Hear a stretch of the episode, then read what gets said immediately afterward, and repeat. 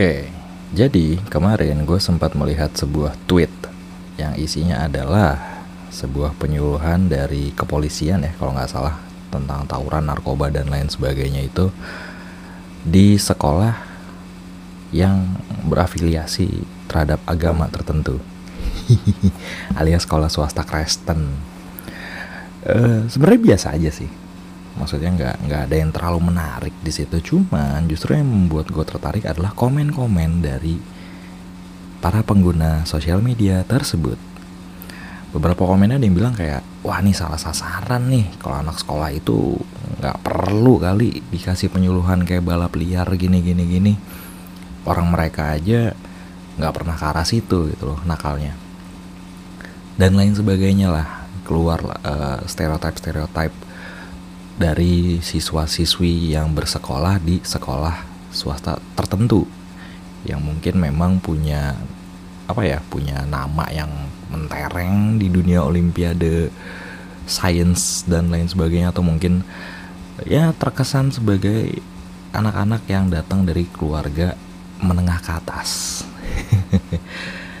Ini menurut gue lumayan menarik ya dalam artian sebenarnya sih nggak ada yang salah ya. Itu kan setahu gue memang program wajib dari bukan program ya program wajib lah dari kepolisian sama mungkin dinas pendidikan setempat gitu untuk mencegah uh, ya kenakalan remaja di tingkat SMA atau di anak-anak sekolah bisa kita bilang kayak gitu.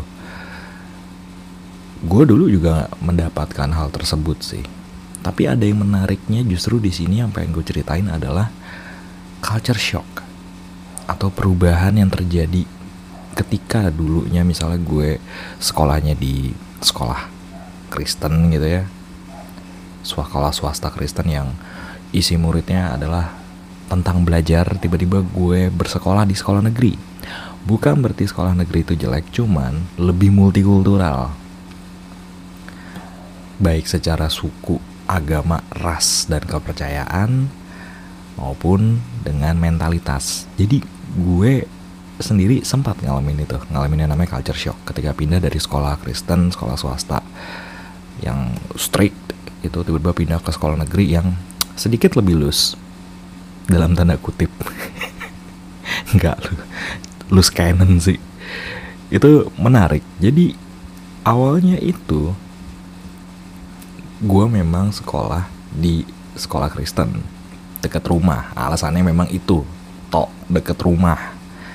Cuman memang sekolah ini lama-lama berkembang berkembang dan akhirnya menjadi salah satu sekolah yang dipandang dan dilihat sebagai ya sekolah yang cukup punya prestasi lah ya punya nama di bidang di pre, ya di bidang pendidikan lah bisa gue bilang kayak gitu. Gue juga bingung gue merangkai kata-katanya.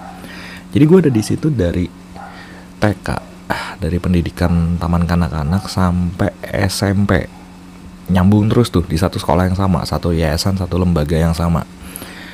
Sampai ketika SMA itu memang gue pengen nih untuk bersekolah di yang jauh lah dari rumah. Gila kali lo gue sekolah dalam komplek mulu. Kapan gue ngelihat dunianya? Diputuskanlah waktu itu gue mencoba untuk masuk negeri. Karena memang uh, kayaknya udah kultur keluarga gue juga gitu termasuk dari kakak gue hingga adik gue juga. Itu eh, TK sampai SMP pasti di sekolah Kristen SMA baru di negeri. Entahlah pertimbangannya mungkin ya ketika SMA lo udah cukup dewasa untuk melihat dunia dan lepaslah dari lingkaran yang itu-itu aja. Artinya yang teman-temannya seperti itu uh, homogen terus lingkup nggak homogen banget sih sebenarnya. Secara agama iya homogen. Cuman secara suku kan hmm, nggak terlalu lah ya. Cuman maksudnya mungkin mindsetnya terus juga cara bergaulnya terus juga ya masa kak iya sih lu dari TK sampai SMA di satu lembaga yang sama gitu keluarlah so akhirnya waktu itu gue memutuskan untuk gue uh, sekolah di negeri. Bukan bukan gue. Ya gue memutuskan lah intinya. Uh, problemnya waktu itu uh, nem gue sebenarnya tinggi. Gue masih inget nem gue tuh 27,5 ya kan? Berarti itu rata-rata rata-rata delapan setengah sembilan. Lumayan eh, enggak deh. Enggak dua tuh iya dua tujuh dua tujuh gue ingat. Gue ingat gue ingat dua tujuh. Waktu itu kayaknya baru tiga ya UN itu. Lupa deh gue. Pokoknya waktu itu lumayan lah nilai gue tinggi lah.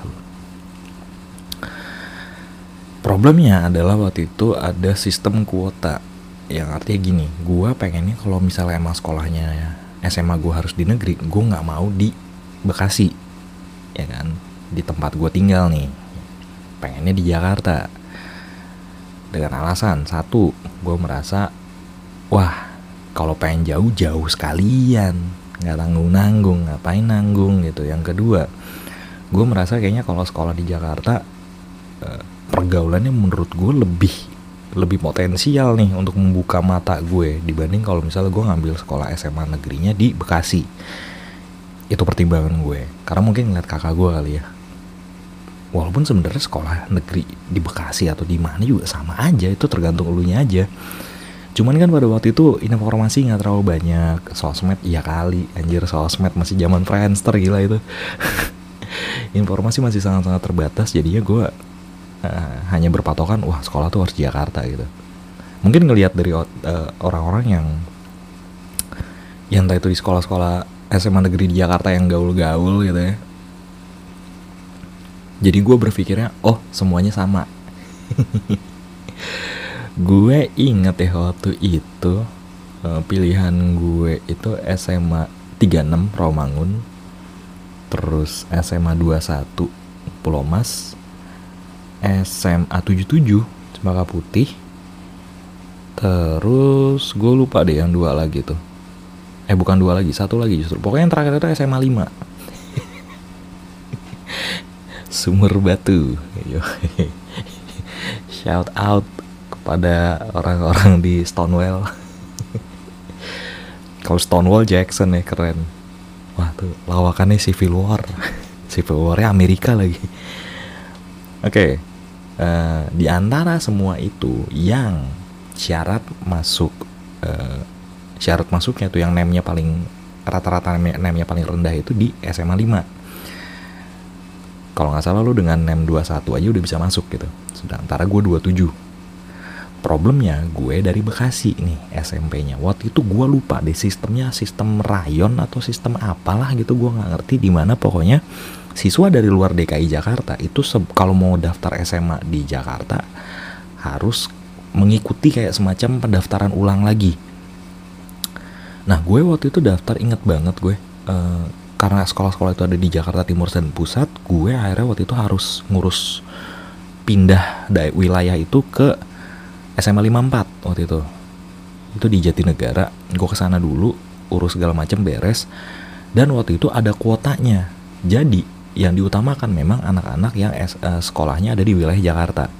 Artinya ket, uh, ketika gue pengen masuk ke satu sekolah uh, dari Bekasi ke Jakarta, minimal nem gue harus ekstra lebih dibanding anak-anak yang datang dari SMP yang ada di Jakarta. Karena kalau nggak salah waktu itu kuotanya cuma 15% deh. Kalau gue nggak salah ya. Karena itu udah lama banget gitu. Oke, masuklah gue. Uh, target gue waktu itu gini oke okay, 21 sih emang rada-rada ngimpi ya masuk situ karena rata-rata namanya tinggi banget untuk yang anak Jakarta aja tinggi gitu gimana gue yang anak Bekasi yang cuma dapat jatah 15% uh, eh, itu waktu itu sistemnya udah online cuman masih kayak wah masih masih apa ya masih jadul banget lah online itu. Nggak nggak yang kayak sekarang mungkin uh, ya nggak tahu ya entah pakai apps atau mungkin websitenya jauh lebih baik gitu ya. UI UX waktu itu waktu itu masih berantakan sih. Bukan berantakan uh, masih jelek lah UI UX nya bukan jelek deh belum diperhatikan. Diperhalus lagi. Nah waktu itu gue inget uh, gue harus lihat nama gue. Jadi masuk nih pilihan pertama SMA 21 uh, 77 bla bla bla bla gitu. paling bawah tuh 5 gue inget banget paling bawah itu. Eh enggak sorry bukan paling bawah. Uh, nomor 2 dari bawah. Paling bawah itu gue lupa. Eh kalau nggak salah either SMA 45 atau SMA 30 gue lupa. Pokoknya SMA 5 ini bukan pilihan utama gue pada waktu itu. SMA 5 Jakarta. Sumur Batu Mayoran anjing banyak kenangan buruk di sana.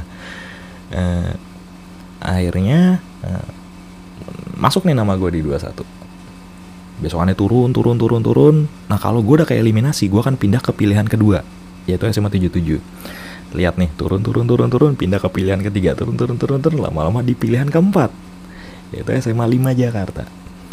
Stuck tuh nama gue di situ. Stuck stuck stuck.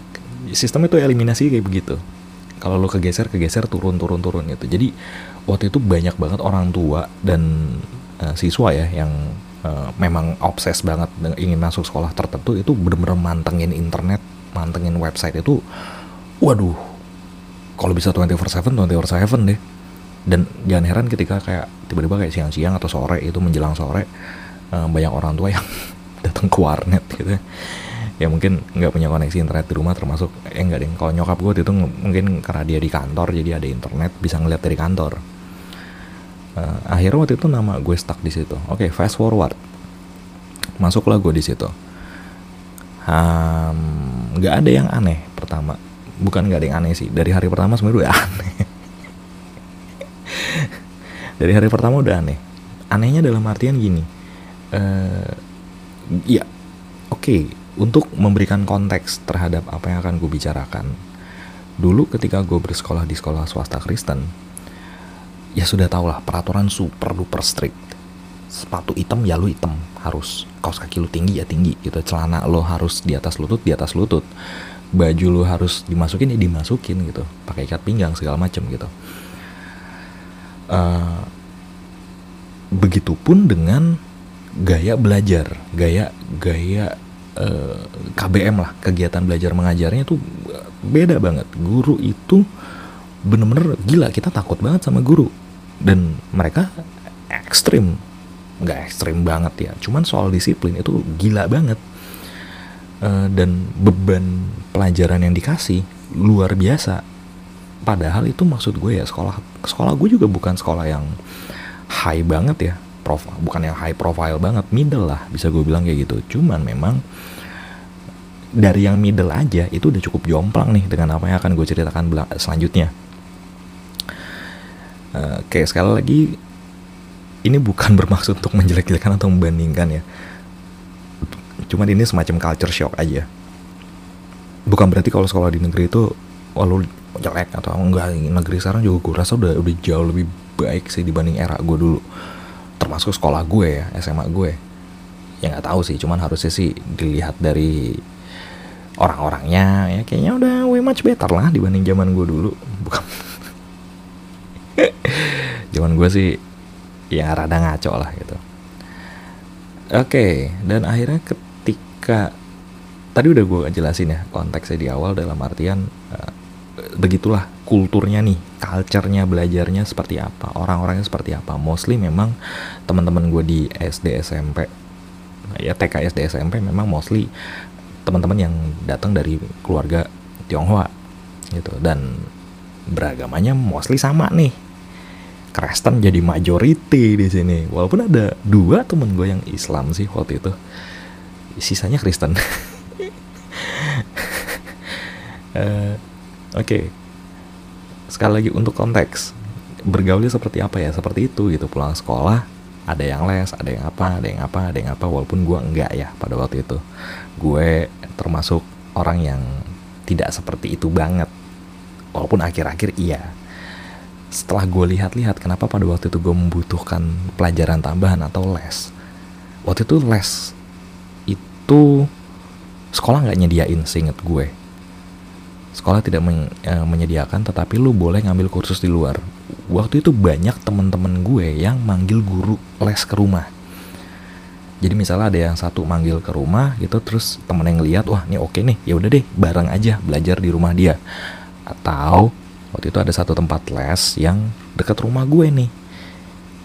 Jadi gue tinggal eh kayak dua rumah lah dari rumah gue. Itu banyak anak-anak sekolah gue yang les di situ. Akhirnya gue les di situ lah uh, kalau gue inget-inget alasan waktu itu les bukan karena FOMO cuman karena emang untuk bisa keep up dengan pelajaran yang dikasih. Lumayan berat sih SMP eh, waktu itu. Gue inget SMP itu gue udah dapat pelajaran kimia. Setahu gue pada waktu itu di era itu 2003 2004 lah itu kayaknya pelajaran kimia baru ada di SMA tapi gue di SMP itu udah dapet. Dan guru-gurunya itu banyak memberikan tugas yang memang uh, kayaknya hampir tiap hari ada ada tugas deh. Hampir tiap hari. Kayaknya ya kalau saya tidak kalau saya tidak salah ingat ya. Dan itu yang menyebabkan uh, banyak yang mengambil kursus. Entah itu private entah itu dia ikut bimbel dan lain sebagainya. Termasuk gue akhir-akhirnya. Demi bisa keep up gitu.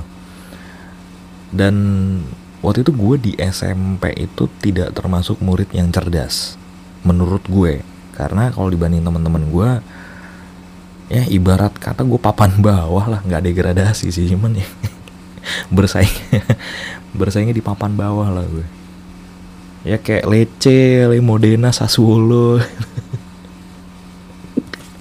kalau di seri A gitu tuh nah masuklah gue di sekolah negeri yang notabene aja eh, sekolah gue itu SMA 5 uh, eh, bukan sekolah negeri yang favorit waktu itu istilahnya favorit ya maksudnya yang isi anak-anak pinter bla bla bla bla bla gitu semuanya pengen masuknya ke ya SMA 1 Budi Utomo, SMA 21. Itu tadi yang gue sebut lah SMA 3 yang gaul banget itu.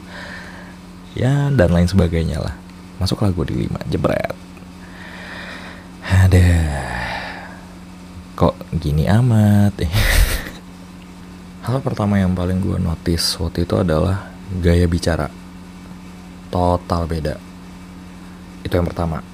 Yang bedanya gimana nih tak dulu bedanya adalah ya gimana sih jakping jakping Jakarta pinggir. Ya gitulah beda banget pokoknya gaya bicaranya. Dan itu membuat gue cukup kaget. Cukup wow. Ngomong kasarnya beda ya dengan kawan-kawan dulu. Itu yang pertama. Yang kedua muridnya banyak banget anjing. Parah satu kelas itu bisa 40 sementara waktu itu ketika gue masih SMP itu kayaknya mbak satu kelas itu nggak nyampe 30 deh. Iya. Dibatesin itu juga sih yang menjadi pembeda ya waktu itu. karena memang muridnya juga nggak terlalu banyak ini di sekolah gue. Dan itu tuh dulu kalau SMP itu kayak cuman AB deh. Kalau waktu gue SMA tuh sampai satu kelas tuh saat dari satu satu satu dua satu delapan ada delapan kelas. Kali 40 itu ada 320 orang dalam satu angkatan. Gila beda banget ya. Dan gedungnya juga wah gila, beda lah mungkin. Gede banget. Untuk ukuran gue ya pada waktu itu yang di SMP itu gedungnya nggak segede gitu. Walaupun fasilitasnya jauh sih memang. Oke. Okay. itu yang kedua ketika itu gue uh, ini lucu sih sebenarnya jadi karena dulu gue itu ketika SMP SD SMP selalu berada di sekolah Kristen yang memang dididiknya dengan kultur dan budaya gereja Kristen pada umumnya ya I was thinking that the world is fine nggak ada apa-apa tidak ada yang membedakan, semuanya baik-baik saja. But honestly, man, I was that naive. Yes. Ketika gue masuk ke SMA itu pertama kalinya gue melihat uh, teman-teman yang menggunakan kerudung atau hijab. Uh, itu buat gue satu pemandangan yang aneh, aneh banget, asli aneh karena beneran ketika gue SMP SD SMP dan itulah gue sama sekali tidak pernah gue tahu lah ada orang ada orang Islam ya tahu maksudnya.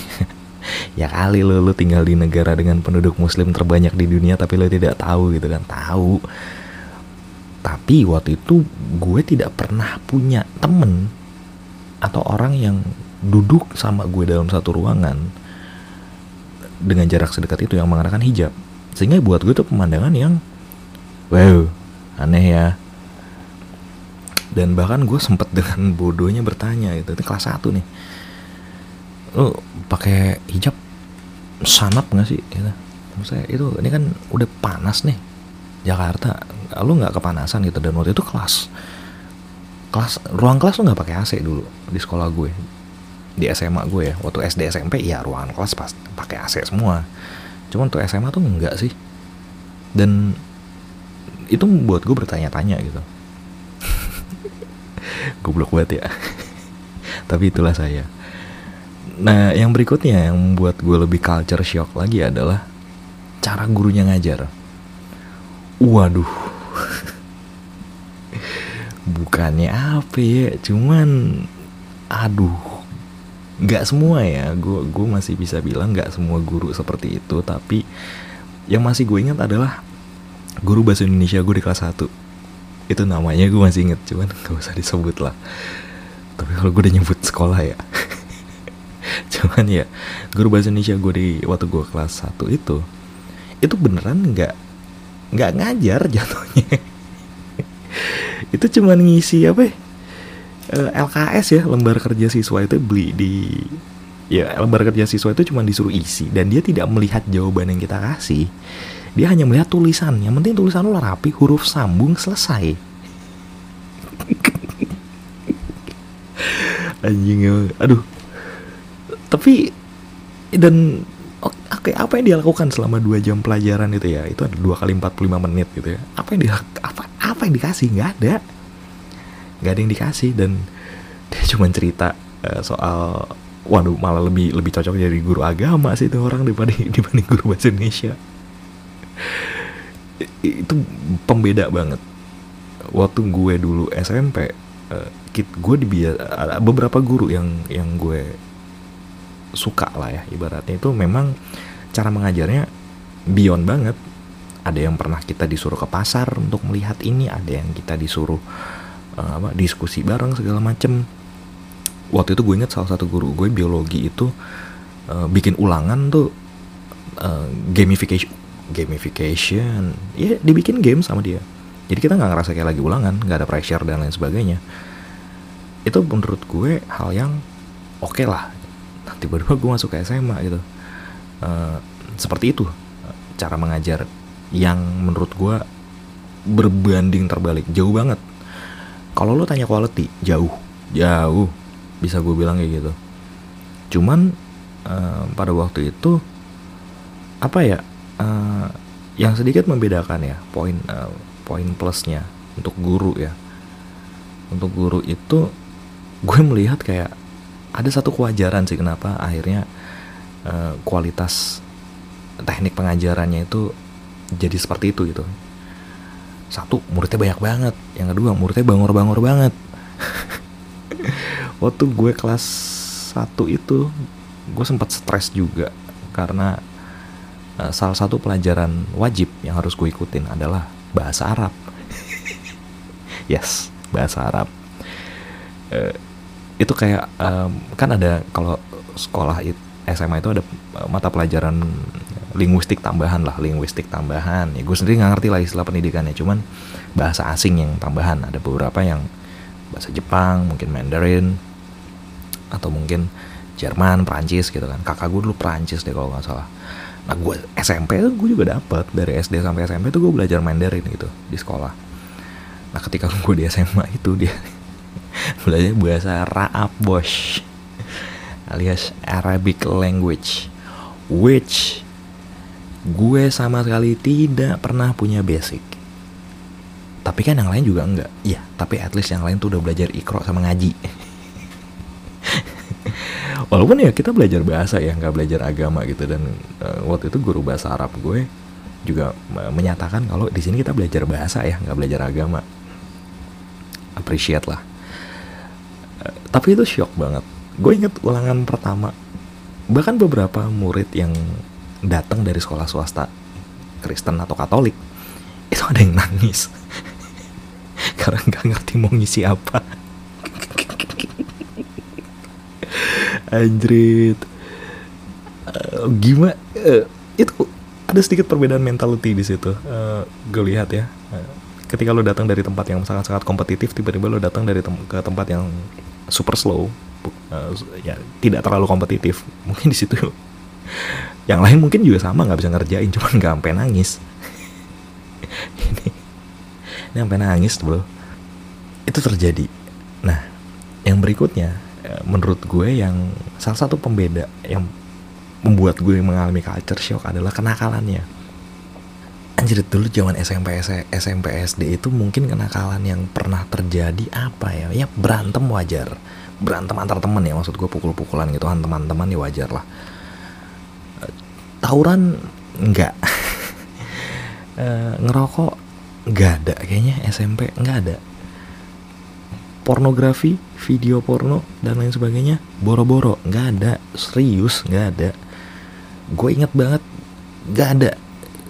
Gak pernah ada kasus uh, tentang pornografi dan lain sebagainya gitu. Ketika gue masuk SMA semua kenakalan yang gue sebut itu ada.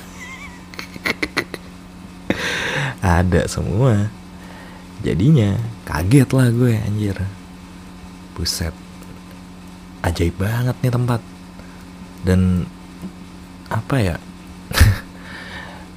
Kantinnya juga waduh gila bronx banget. Gue juga dulu sempat mikir kayak ini saya sakit perut kagak nih gue makan disokin ya? Segitu manjanya sih. Ya kemarin juga udah gue jelasin ya perut gue juga tidak tidak sepangrok itu. Kembali keluar kata-kata itu. Tapi yang terjadi itu gue ngeliat. Terus ini yang gue notice juga gue dulu adalah ketika gue dulu ini ya uh, ada di sekolah di SMP SMP SD itu di sekolah swasta privacy is everything. Privacy dalam artian apa nih? Sebenarnya bukan privacy sih cuman penggunaan barang-barang pribadi ya udah punya gue ya gue aja. Gue tidak menemukan budaya komunal di sana. Each man for himself. Yes ketika gue masuk negeri beda. Bagi air dong saat kokop. Bagi makanan lo dong sikat dulu kagak ada cuy. Asli. Dan itu gue kaget banget kayak anjrit. Hal kecil loh itu hal kecil. Cuman soal uh, budaya komunal. Membagi bukan berarti anak-anak di swasta egois enggak. Cuman caranya beda banget. It, gue kaget sih. Itu kaget banget. Makanya pada waktu itu gue sempat mau pindah sekolah. Ketika gue mau naik ke kelas 2 gue sempat statement ke nyokap kayak wah nih kayak pindah sih. Lu gila lu gue lama-lama bisa stres gue di sini. Walau itu juga udah stres sebenarnya tapi uh, gue juga lupa apa yang mendorong gue akhirnya untuk stay. Mungkin males untuk adaptasi lagi ya. Akhirnya gue milih untuk ya udahlah stay aja lah. Eh, tiga tahun nggak berasa lah itu. Dan akhirnya tiga tahun ya udah lulus gitu. Dan apa ya pengalaman gue mengalami culture shock itu justru memperkaya ini gue sih memperkaya point of view gue perspektif gue jadi lumayan lebar nih. Gue tahu yang begini gue tahu yang begitu bukan tahu doang nih gue mengalami gue ada di situ. Gue nyebur nih di situ. Dan ternyata kalau dipikir-pikir nggak seburuk itu sih. Adaptasinya memang berat karena itu jauh banget berbeda budayanya. Kayak tadi kita statement di awal premisnya adalah culture shock. Culture. Even dalam pekerjaan dalam dunia profesionalism juga company culture is everything itu adalah sesuatu yang nggak bisa di copy itu adalah sesuatu yang menunjukkan cara lo kerja, budaya lo kerja, bagaimana bekerjanya, runningnya kayak gimana nih. Dan itu uh, gue terjadi ketika gue masih SMA. Masuk ke SMA yang baru gitu, masuk ke dunia yang baru itu kayak whole new world kayak jebret anjing apaan nih gitu gue nggak pernah ngeliat yang kayak gini nih. Gue nggak pernah ngalamin yang kayak gini nih. Gue nggak pernah ngedenger yang kayak gini nih. Um, karena ya itulah. Ketika lu sudah terbiasa dengan sistem tiba-tiba pindah ke tempat yang uh, berbeda sistemnya dengan apa yang sudah lo biasa lakukan gitu. Perubahan kebiasaan. Itu soal kebiasaan. Ini soal lingkungan uh, belajar mengajar gitu pendidikan. Nggak cuma pendidikannya doang pergaulannya juga teman-teman gue waktu itu SMA nggak uh, terlalu banyak sih di awal mungkin ya karena ya gue sendiri masih ini banget kan masih baru banget di dunia itu. Tiba-tiba ngeliat kayak wow.